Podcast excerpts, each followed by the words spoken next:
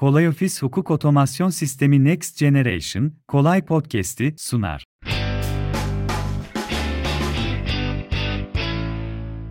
Vizyoner üniversitelere daha fazla ihtiyacımız var. Bir de şöyle de bir durum var. Yani staj aşamasında da insanlar çok zorluk çekiyorlar. Yani staj aşamasında yani en kendini geliştireceği aşamada o kadar kötü işler veriyorlar ki yeni avukatlara. İnsanlar yani biraz daha ileri gitse de geri gidiyorlar. Geçtiğimiz haftalarda Z kuşağı avukatlarıyla beraber bir podcast çekmiştik. İşte staj dönemlerini anlatıyorlar. Zaten yeni daha. Bir tanesinin stajı işte 3-5 ay önce falan bitmiş. Word belgesini UDF'ye çevirmek için çalıştırıyorlarmış. Sadece diyor bunu yapıyordum. Word'u UDF'ye çeviriyordum ve sadece diyor yaptım sağ tuşla mouse tıklamak UDF'ye çevir demek. Ama Deniz biliyor musun o kadar önemli bir iş ki. Bak şimdi bir de bir de bakış açısı var. Bakın. Şimdi bir de bakış açısı var. Hayatta bazı şeyler çok önemli. Senin mükemmel bir araban var. Elinde anahtar olmazsa arabayı çalıştırabilir misin? Yapalım, arabanın çalışma. en arabanın en küçük aksanıdır değil mi? Hani birinin anahtarı taşıması gerekir. Anahtarın olmasa çalıştırabilir mi? Çalıştıramaz. Yani bazı şeyleri de biz öyle olduğu için de anlam yüklüyor olabiliriz. Ben herkesin hayatı kendine, hani hiç kimsenin e, o anlamda hani herkesin yaşadığı kendine ve çok kıymetlidir. Hani orada bir yorum yapamam.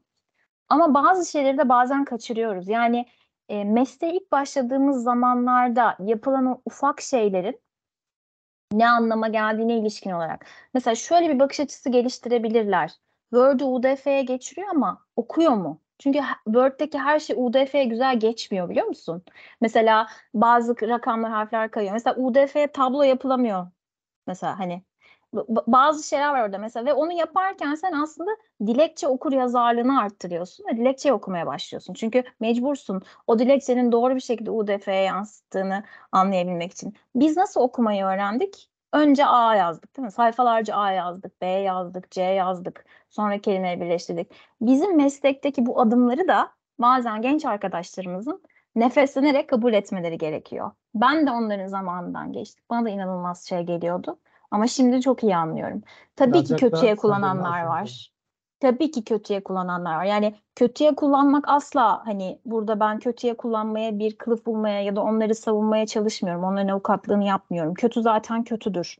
Ya da gelişmesi gereken zaten gelişmesi gerekendir.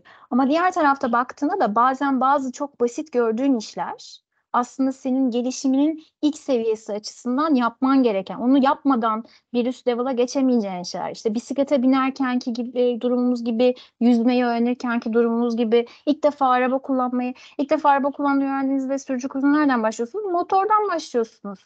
Buyular meme yapmış, trigger kayışı. Buralardan başlıyorsunuz yani. Hemen hop bire takayım, işte gaz debriyaj ki artık bire takmak da yok. D'ye geçireyim hayatıma yoluma devam edeyim diye mesela biz bire takıp e, ehliyet aldık ama şimdi herkes D'den alıyor yani gibi gibi. Dolayısıyla biraz bunlara da soluklanmayı, bunlara da aslında nefes almayı ve bunları da görmeyi e, başarmak gerekiyor. Evet ne yazık ki o yaşlarda bu hiç uygun değil.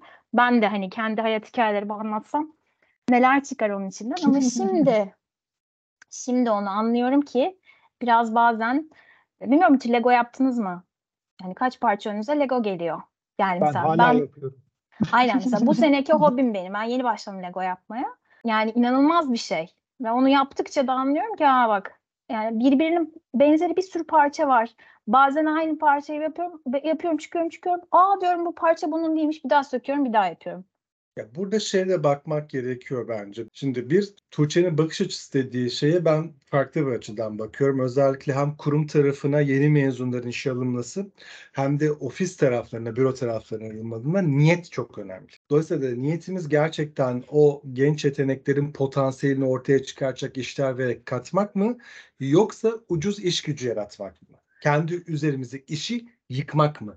Aslında biz ikincisini seçtiğimizde kendi bildiğimiz dalı kesiyoruz.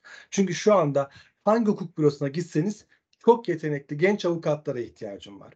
Ama gelenin de potansiyeline bakmıyoruz. Evet. Geleni sadece iş yükü olarak bakıyoruz. Yani sanki şey gibi gitmiş hani Kemal Sunal'ın filmlerinde olur ya bir ağacın altında ırgatlar bekler, araba gelir, sen gel, sen gel, sen gel. E, avukatlığı da öyle seçersek olmuyor bu iş. yani. Dolayısıyla da Davara filmi çekmiyoruz burada. Ama önemli olan nokta şu. Eğer niyette şu varsa bir İK alım politikası yok. Hukuk departmanlarında da bürolarda da. Eğer alacaksak o zaman şunlara bakmamız lazım. Bir e, teknik nitelikler neler? Yani işte üniversiteden evet mezun olacak ve okuma, yazma birçok şey olacak bu içerisinde. Dil olacak. Ondan sonra hukuksal metinlere hakimlik olacak. Bunlar var ama diğer tarafta bir de soft skill'lere, bazı temel yetkinliklere sahip olup olmadığını ölçmek lazım. Eskiden bu kadar sırtımıza vururlardı ve derlerdi ki biz 3-4 yıl sonra ha anladım benim zorluklardan kaçıp kaçamayacağımı görecek. Ya ona azim denir. Azimli mi? Öğrenme çevikliği yüksek mi? Proaktif mi? Proaktifliğin benim bürom için ya da benim şirketimdeki hukuk departmanı için tanımı ne? Öğrenme çevikliğinin tanımı ne? Merak yetkinliğinin tanımı ne?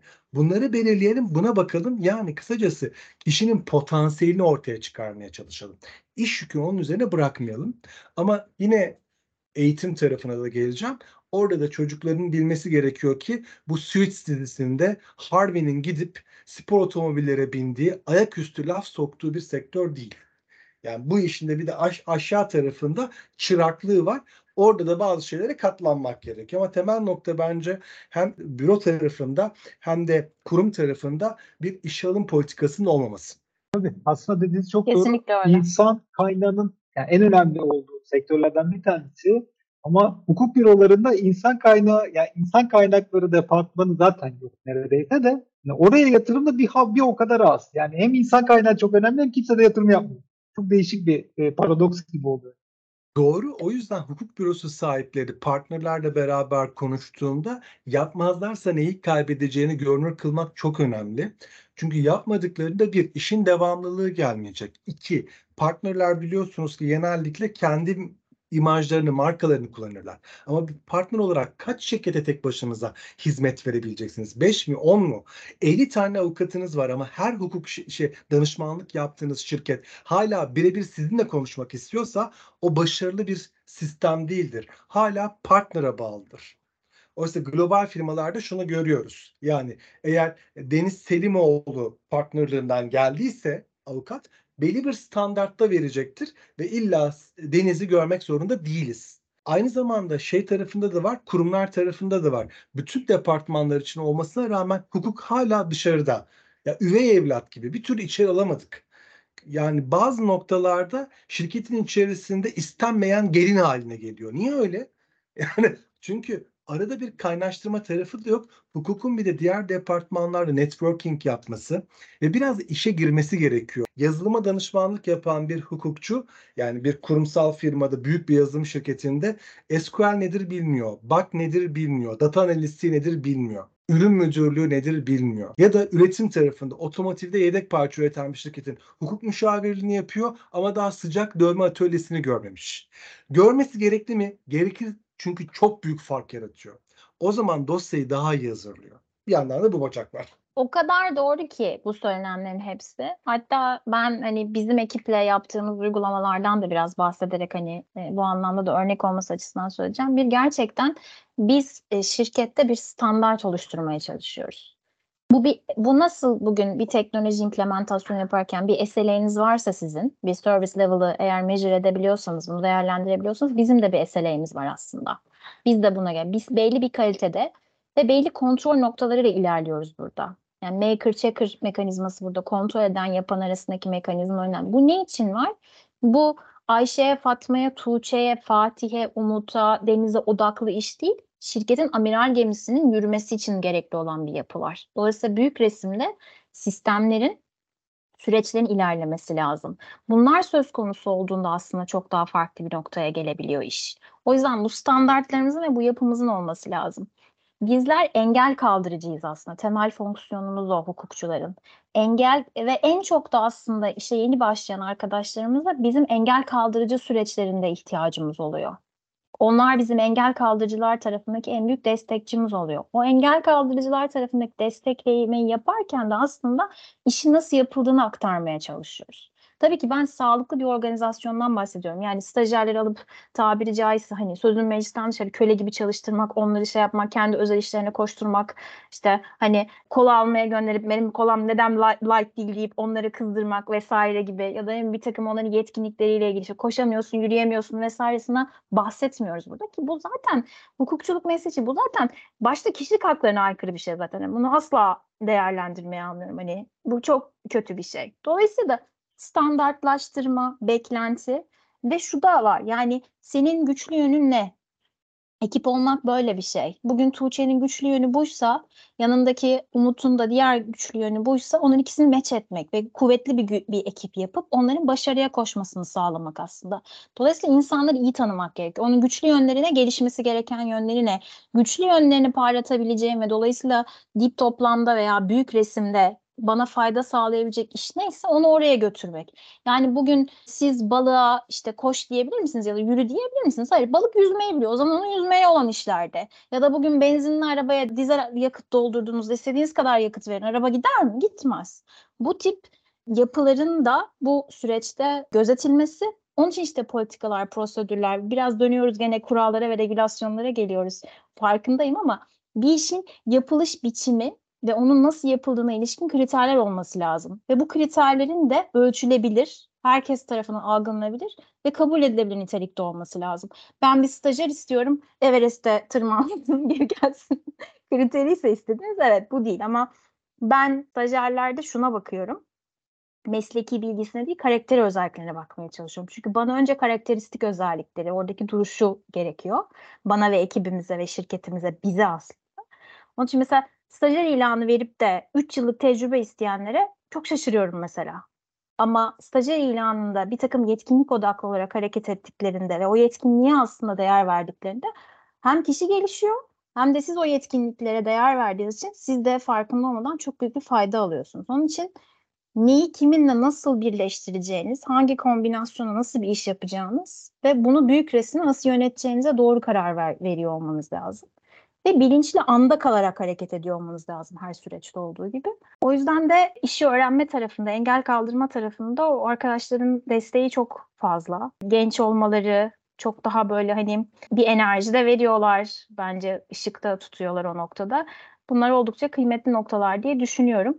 Onun için hayatta birazcık bazen bakış açımızı değiştirmek lazım. Bazen bazı şeyleri biz anlam yüklüyoruz gibi geliyor bana. Kolay Ofis Hukuk Otomasyon Sistemi Next Generation. Geleceğin hukuk otomasyonu şimdi sizinle. Daha fazla bilgi için web sitemizi ziyaret edin. Şimdi hem stajyerleri konuştuk, işe başlamayı konuştuk, dijitalliği konuştuk, verimliliği konuştuk. Bunların hepsini konuşurken tabii bir de insanların da yani insani bir duygu olarak da stres ve tükenmişlik de çok fazla ön plana çıkıyor. Özellikle işte aşırı yoğun kurumlarda çalışan avukatlarda çok fazla görüyoruz işte uzaktan çalışmanın getirmiş olduğu bir stres ve tükenmişliğin olduğunu duyuyorum. Bu sorunlarla başa çıkmak için ne tür önerilerde bulunursunuz? Bir kere Deniz çok önemli noktalardan bir tanesi hem ruh sağlığını hem beden sağlığını etkiliyor. Aslında uzaktan çalışmanın öncesinde de vardı. Yani bürolarda gecenin bir vaktine kadar çalışmak, hafta sonları tatile çıkmamak, bayram izinlerine falan gitmemek. Hatta böyle kıdemli bir avukatın şöyle bir anekdotu var bende. Eşi doğuma girmiş. O zaman daha çok tecrübeli olmayan bir avukat. O büronun sahibine demiş ki hani eşim doğum yapıyor hastaneye gideceğim. O da demiş ki sen doğurmuyorsun zaten bekle girdiğine göre bir şey gerek yok. Çocuğu zaten ömür boyu şey yapacaksın. Dolayısıyla da burada hani uzaktan çalışma ve teknolojiye bakmamak gerekiyor ama üç önemli unsur var. O da hem kurum tarafında e, head of legal'ların hem büro tarafında büro sahiplerinin birer lider ve insan kaynakları bakış açısına sahip olmamalarından kaynaklı durumlar var. Birincisi az elemanla çok iş yapma kültürü çok yaygın. Olmuyor, ilerlemiyor. Yani siz dört koltuklu bir araca kaç kişiye sığdırabileceksiniz? Hani bu bir, bir Vosvos'a kaç tane fil biner sorusu gibi oluyor. Dolayısıyla bu sıkıntı çok fazla çünkü yüksek yapılacak iş biz bir şey tik atıp tamamladığımızda dopamin salgılarız. Wow bitirdik. İşte sözleşmeyi gönderdik. Dava ondan sonra başvurusunu yazdık diyerek. Ancak sayı artmaya başlayıp tamamlayamadıkça insanda kortizol salgılanır ve hedefine uzaklaştıkça da kendini kötü hisseder. Dolayısıyla da burada iş yük analizini doğru yapmak gerçekten kişinin kapasitesine göre dağılım yapmak gerekiyor. Bu birincisi. İkinci nokta aile hayatı ile iş hayatı arasında denge bozuluyor. Tabii ki belli dönemlerde çok yoğun olarak çalışabiliriz. Ama bunun sonrasında hem büro tarafında hem kurum tarafında bunun karşılığı olarak bir dengeye getirmek gerekiyor. Sürekli ailesinden kişi ya da kendi hobilerinden, özel hayatlarından vererek yaşamak istemiyorlar. Zaten bir de eğer şeye gidiyorlarsa adliyelere, adliyeler de çok sağlıklı yerler değil. Yani şöyle avukatlıktan vazgeçen insanlar var, duyuyorum. İşte Show TV WhatsApp ihbar hattını izleyip ben hukuk seçmeyeceğim diyen insanlar var. Çünkü oradaki kavgayı bile görünce ondan sonra işte bir toprak davası tarla paylaşımı yüzünden 8 kuzen birbirini öldürdü filan. İnsanlar tabii gitmek istemiyorlar öyle yerlere. İş zaten stresli. İçeride gerçekten rahatlatmak gerekiyor. Bir de şeye katılıyorum. Yani genç nesil her yerde olduğu gibi hukukta da özellikle büro içerisinde ve kurum tarafında, ofiste ya da online tarafta eğlenerek çalışmak istiyor. Eğlence tarafını çok göz ardı ediyoruz. Keyifli sohbet etme tarzını çok göz ardı ediyoruz. Biraz aslında robotlaştırdık. Geçmişte de robotlaştırmıştık. Duyguyu çıkartırsanız insandan robotlaşır hukuk bürolarında sadece geldin, işini yaptın, gittin noktası vardı. Bence düzeltilmesi gereken nokta insana gerçekten dokunarak yaklaşmak, onu önemli hissederek ilerlemek ve iş yük analizini çok doğru bir şekilde yapmak ve bir avukatın hafta sonu yani acil olmadıkça bir işte çalışması gerekmezken hem head of legal'larda çok görüyorum. Bir tane parantez daha açacağım. Bir de bürolarda görüyorum. Pazar günü patronların oturup mailleri temizlemeleri. Şimdi genç bir avukat eşiyle beraber ya da sevgilisiyle, partneriyle beraber tam yemek yerken pazar günü güzel bir sofrada bir anda patrondan 28 tane mail geldiğinde bu ne oldu bu ne oldu diye olmuyor. Motivasyon çöküyor. Gerçekten tükenmişlik sendromuna gidiyorlar. Hani şey vardır ya böyle bu da mı gol değil be tiradı. Ona doğru gitmeye başlıyorlar. Takdir kültürü çok az. Doğru yapıların takdir edildiği bir kültür çok az. Hala ne kadar dijitalleşsek de bence hani babalar bizi uykuda severmiş ya. Hala head of legal'lar ve patronlar uykuda sevmeye çalışıyorlar. Bir kişinin mesela ben şunu gördüm, duydum. Takdir ediyor musunuz dedim. Çok iyi performans sergiliyor. Onu takdir etmem dedi. Şımarır dedi. E size söylüyorum ya. Tamam bana yaptığın takdirin orada iyi performans sergileyen değerli avukatımıza hiçbir faydası yok ki. Ve o yüzden biraz liderlik ve İK bacağında gelişmeleri gerekiyor. Bu gelişmeden istediğiniz her tür teknoloji olsun. Siz Zoom'da da gecenin ikisinde hafta sonu tatilde bile çalıştırırsınız. Teknoloji aslında dijital zorbalığı bazen arttırabiliyor diyorum ben. Tuğçe ne dersin? Yani çocuğu uyurken seven anne babaların sendromuna yakalanmış bir yöneticilik tarzı hiçbir zaman için şey değil. Şimdi transaksiyon analiz çalışıyoruz ve transaksiyon analizde hep işte şunu derler işte çocukluk dönemindeki yaşanmış olan şeyler. Tabii yani kişiliğimizdeki bazı şeyler bizim yansımamız olabiliyor. Çünkü hiç düşünmüyoruz. Yani kendimizi karşı taraftakinin yerine koymuyoruz. Empatik olarak bakmıyoruz aslında. Temel mesele bu. Şimdi öyle bir denge, öyle bir iş var ki aslında dengede tutmak gerekiyor. Hukuk da böyle ya, ölçülü ve dengeli olmak. Aslında ölçülü ve dengeli olmak kriteri her şeyde koyduğunuzda çok çalışacak bir şey. Yani 28 tane pazar akşamı bir insana mail atmak ya demek ki senin alıp onu bir konuşman gerekiyor yani değil mi? Orada bir, bir sorun var yani. O, o sağlıklı bir iletişim değil. Üst üste bu kadar çok mail atmış. O başka bir şey yani. Orada başka bir şey var. Onun için onu bence durdurmak gerekiyor. Ya da hani onu durduramıyorsan sonuçta bu maillerin bir atılma saati var. Bunu çözebiliyorsun mesela. Pazartesi sabahı saat 8.30-9'a ayarlanabilir mesela bunlar değil mi? Yani hani birazcık başkasının özgürlüğüyle diğer özgürlük arasındaki o yapı bu anlamda önemli. Şimdi acilin saltanatı başka bir şey ve iş hayatı mesai saatlerine sığmaz okey. Yani bunlar zaten hepimizin bildiği önemli olan şeyler. Ama bir pazar akşamında 28 tane e-mail, aynı konuyla ilgili e-mail almak gerçekten burada başka bir şey var demek bu. Yani ya ben senin performansından memnun değilim Ya buradakiler benim istediğim gibi olmamış. Ya bana sormadan karar vermişsin. Benim hoşuma gidiyor. Yani onun da bir alt kırılım bir şey var. Dolayısıyla da burada ben aslında kökenen analizini çok önemsiyorum. Yani bunun sebebi ne? Bunun altında yatan şey ne? Onun için de açık iletişim çok önemli. Yani açık iletişim kurabilmek, e, bu da tabii süreçlerin dizayn edilmesiyle ilgili bir şey. Gene aslında işin yapılış biçiminin ve standartların ortaya konulmasıyla alakalı olan bir şey. İşin yapılış biçimini ve standartlarını ortaya sen koyduktan sonra ondan sonra o senin istediğin gibi olmuyorsa o zaman da senin geri bildirim sürecini doğru çalıştırman lazım. Dolayısıyla bunu alın bu, e, hukukçu olarak iş birimleriyle yaptığınız ilişkiye de uygulayın. Alın bunu kendi ekibinizle, alın bunu üstünüzle. Hani işte bizim bir sürü hikaye var biliyorsunuz. İnsan kaynaklarımız sağ olsunlar bize yıllardır bu eğitimleri veriyorlar. Managing the managers, işte altları, alttakileri yönetme, peerlerini yönetme, stakeholder'larını yönetme değil mi? Bunlar var. Aslında bunların hepsinin özünde ne var? Açık iletişim var. Sor. Ne bekliyorsun? Sana nasıl döneyim? Neresi olmamış? Hangisi? Konuş ve aslında bir mutabakat sağla. Hatta çok güzel bir kitap var. Buradan da önerelim. Ee, ben okeyim, sen okeysin. Yani okey okeyde kalmayı başarabilmek burada önemli olan. Dolayısıyla da bizim ilişkilerimize tabii ki toksik insanları eliyorum. Yani herkes okey okeyde kalamazsınız. Dolayısıyla oradaki hani o toksik insanları ve o yapıyı tabii ki e- eliyorum. Ben gerçekten normal işini yapmaya üzere, yani iş odaklı bir şekilde işi çevirmeye olan e, kişilerden bahsediyorum. İşini yapmaya götürmeyen, yenisini yürütmeye çalışan insanlardan.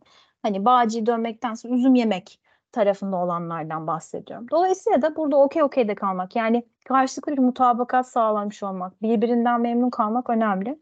Onun için açık iletişim, geri bildirim bunlar önemli. Bizim meslekte çok daha önemli. Çünkü biz herkesin bilmediği bir şey anlatıyoruz insanlara.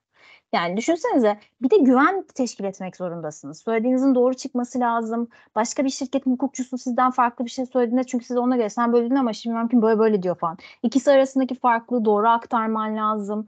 Doğru oluşturman lazım. Bir şekilde zaten sen kanunlarla ilgili bir şey söylediğin zaten hani 1-0 yenik başlıyorsun. Çünkü gıcık oluyorlar zaten. Bir şekilde bir yöntemini bulmak gerekiyor.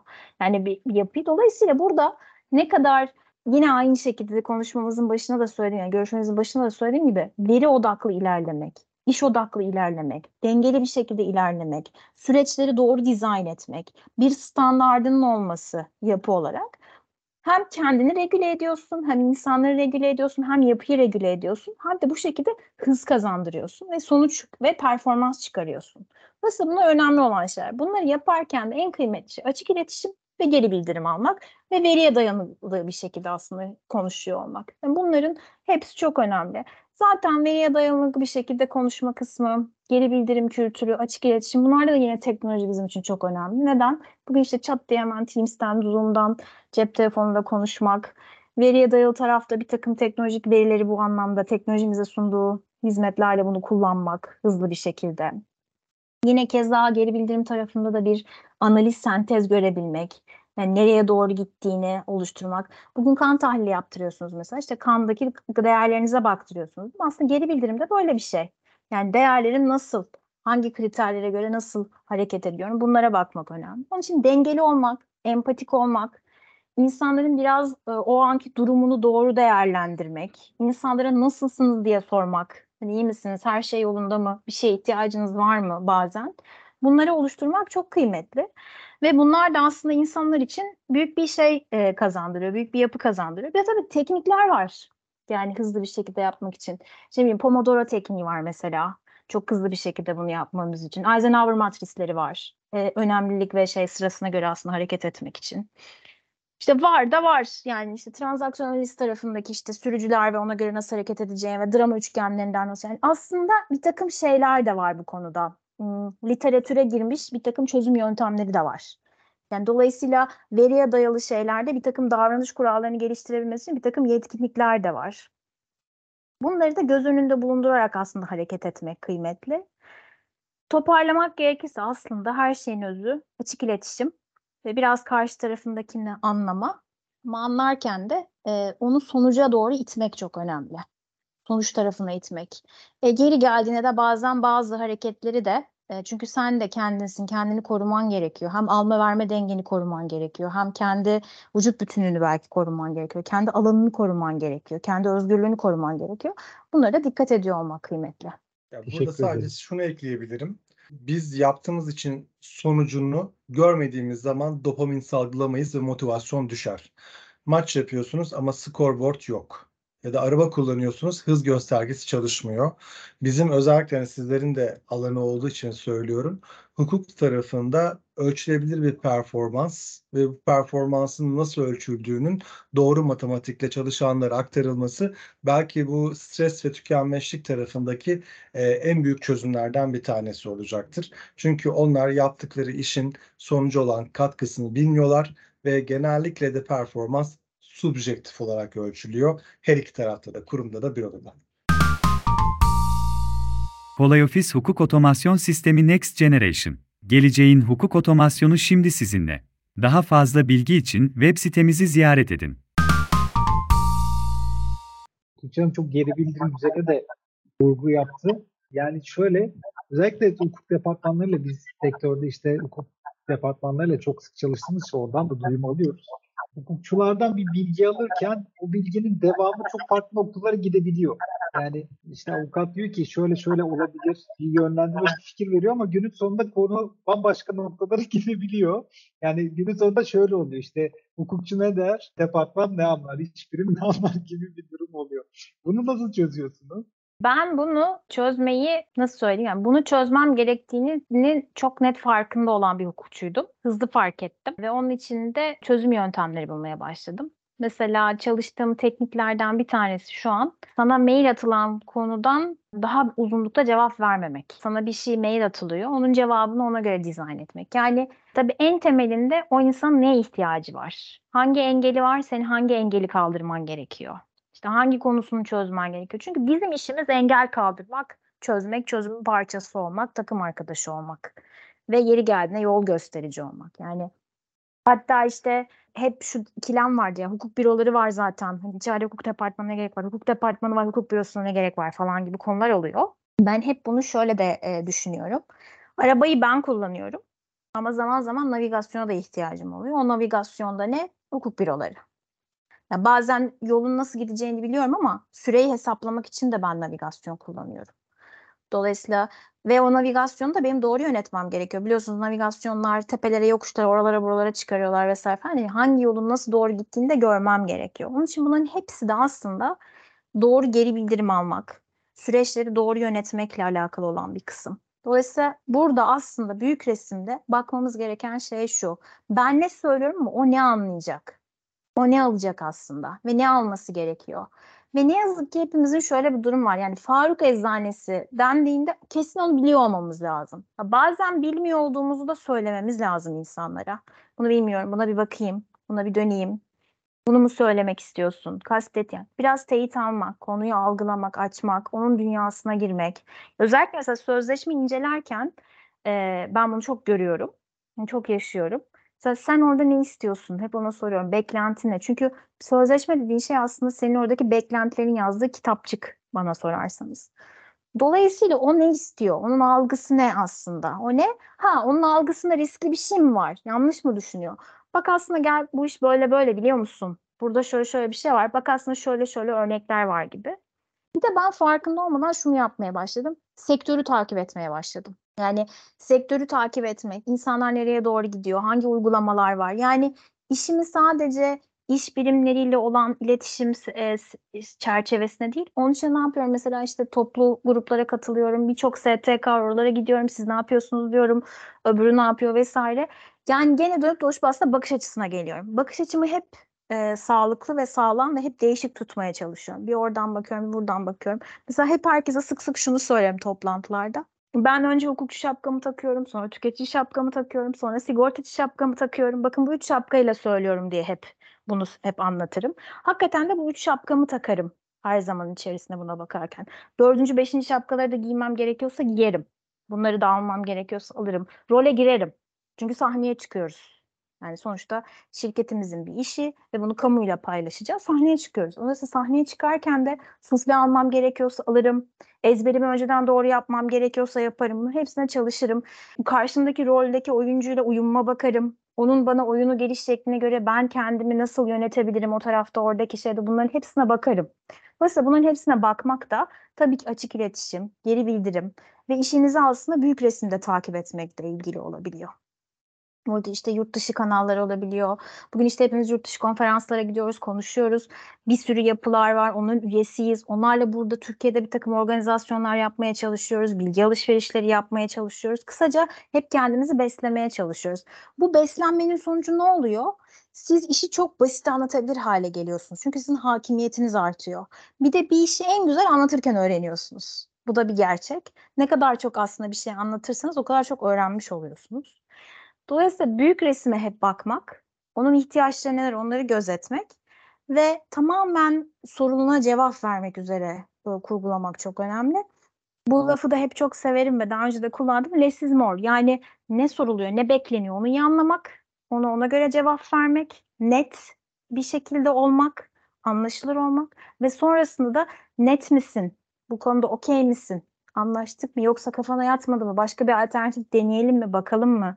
Hani okey misin demek. Zaten ne istediğini bilen birisiyle karşı karşıyasın o bir şekilde akıyor ilerliyor. Tabii ki karar veremeyenler var. O zaman da karar verdirmek için V'lere geçiyorsun. Bak işte burada şu var, burada bu var, burada bu var. Bunu yaparsan böyle olur, bunu yaparsan böyle olur. Hani ne diyorsun gibi. Ve karşılıklı bir mutabakatla işte orada co-pilot gibi gerekirse navigasyon desteği de alarak orada aslında ve e, işte sürücünün e, aslında arabayı sen kullandığın bir dünyada ya da başkası da kullansa onu da yönlendirdiğin bir dünyada yoluna bir şekilde devam etmen gerekiyor. Ve odağını da hep şunu e, yaparak e, düşünüyorsun. Bu işin sonucunu ben nasıl çözeceğim? Hangi performansa tamamlayacağım? Ve ben cevap vermek için dinlemiyorum, anlamak için dinliyorum. Yani herkes de bunu uyguluyorum. Ve onun için de bu beni sakinleştiriyor. Stresimi de buna göre doğru yönetebiliyorum. Hani tükenmiyorum da. Çünkü zaten anlamak için dinliyorum. Ve hiç kimse yani herkesle ilgili nötr başlıyorum süreçlere. Dolayısıyla da herkesle ilgili enerjim de oluyor. E, konuyu da veri odaklı bir şekilde çözdüğüm için de vaktimi de ona göre yönetebiliyorum. Planlamamı da ona göre ayarlayabiliyorum. Hani bunu tabii ki ideal dünya yok. Hiçbirimiz mükemmel değiliz. İnişlerimiz, çıkışlarımız olabiliyor. Ama günün sonunda hem teorik olarak hem de pratikte ne yapmam gerektiğini biliyorum. Maşallah. Bir başladın Tuğçe. kısa öz olsun diyerek dünyanın en uzun kısa öz açıklaması oldu. Mesela ben, bu da benim gelişim alanlarımdan Taşı bir koyarım. tanesi. Aynen. Mesela bu da benim gelişim alanım. Çünkü niye hukukçusun bitiremiyorsun yani. O da var, bu da var, şu da var. Zihnin öyle. Zihnin kıvrımları öyle çalışıyor yani. Ama mesela anlatabiliyor muyum? Halbuki daha basit anlatsam. Ya Mesela hadi geri bildirim alayım. Okey anladınız mı? Anlamadım. Vallahi burası şey gibi oldu. Benim- Biraz gün tabağına döndü şu anda. Yok Ben Yan son Evet, lütfen. söyledikleriniz benim vizyonum için iyi oldu. Yani özellikle o sonlara doğru vurguladınız. Karşı tarafı anlamak için soruyorum konusu. Yani ben de onu son dönemde çok sık yapmaya başladım. Bizim müşterilerimizde de çok oluyor. Onlar da işte yazılım geliştirme talep ediyorlar. Biz böyle nötr girmemiz gerekiyor. Yani karşı tarafı hiçbir sınıflandırma yapmadan girip sadece karşı tarafı anlamak için sürekli soru sormamız lazım ki ne yapacağımızı öğrenelim. Ben mesela ilk başladığım zaman karşı tarafı böyle işte ya bunlar zaten bilmiyor ben sorsam ne olur zaten anlatamayacaklar modunda giriyordum. İşler hiç bitmiyordu. yani ne ben anlayabiliyordum ne karşı taraf anlayabiliyordu. Şu an ne olursa olsun karşı tarafı dinleyip anlamam lazım. Yani ne olursa olsun her şekilde anlamam lazım. Anlamak için bin tane soru sormam lazım ki iş bitsin. Yoksa bitmiyor zaten iş. Yani gün tabağı değil tabii yani. Beş yıldızlı oteldeki o tabaklardan olmasın yeterli ne bileyim değil mi? Yani Fatih bir de şimdi işin o boyutu da var. Yani gün tabağı gene şimdi günden güne değişiyor yani. Bir de işin ucunda altın var orada mesela falan hani.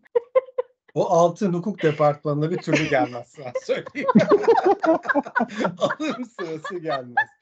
Ezgin'le ben de şöyle kat. Yok gerçekten şaka bir yana gayet keyifli bir anlatımda. Lezzetli bir tabakta. En azından tatlılarla tuzlar birbirlerine karışmadılar.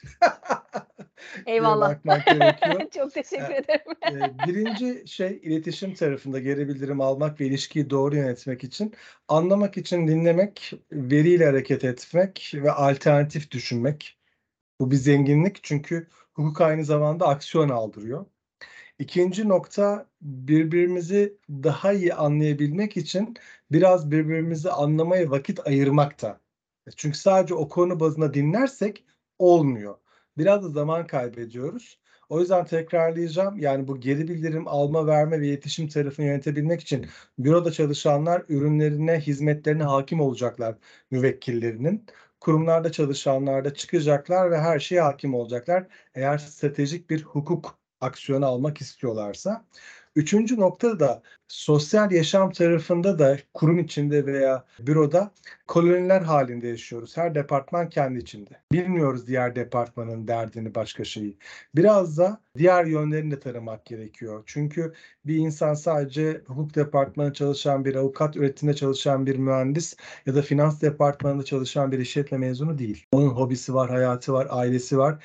Birbirimizi yakından tanırsak psikolojik bir gerçek kendimizi niyetimizle karşı tarafı davranışla değerlendiriyoruz. Eğer ben Deniz'i, Umut'u daha iyi tanırsam mailleşirken onların ihtiyaçlarını daha iyi anlama kapasitem de artmaya başlıyor. Cevap verirken stresli olma seviyem de azalmaya başlıyor. Dolayısıyla biraz bu işin insan bacağına, psikoloji bacağına da bakmak gerekiyor. Çünkü psikolojik bir süreç diyorum. Ben de burada tamamlıyorum. Türk kahvesi kıvamında kısır tabağından sonra. Süpersin. El, o zaman elinize kolunuza sağlık diyorum bu tarafta. Güzel bir e, hem e, kekleri yedik, kısırları yedik hem de işi toparladık diye düşünüyorum. Süper. Ağzınıza sağlık. Gerçekten vermiş olduğunuz çok değerli bilgiler için çok çok teşekkür ederiz. Yani çok keyifli bir sohbet oldu bizler için. Sorularımızı sorduk, cevaplarımızı fazlasıyla aldık. İlerleyen günlerde yeni konularla tekrar sizleri ağırlamak isteriz. Çünkü bizim için çok keyifliydi değil mi Deniz Bey? Aynen öyle. Çok teşekkür ederiz. Evet. Evet, bizim için de teşekkür çok keyifliydi gayet. Sizlerle zaman geçirmek, Tuğçe ile beraber aynı sahneyi paylaşmak. İşte kah araba yolculuğu yaptık, navigasyon gibi, kah mutfağa girdik, kah filmlerde dolaştık. Bizce de bu şeyden yeni birçok şey çıkar. Sonrasında bir oturup derinlemesine bir data mining yapalım burada. Çok teşekkürler. Çok keyifliydi benim için de. Biz Benim çok için teşekkür ediyoruz. Tekrar tekrar çok çok sağ olun. Bir sonraki podcast'imizde görüşmek üzere. Hoşçakalın.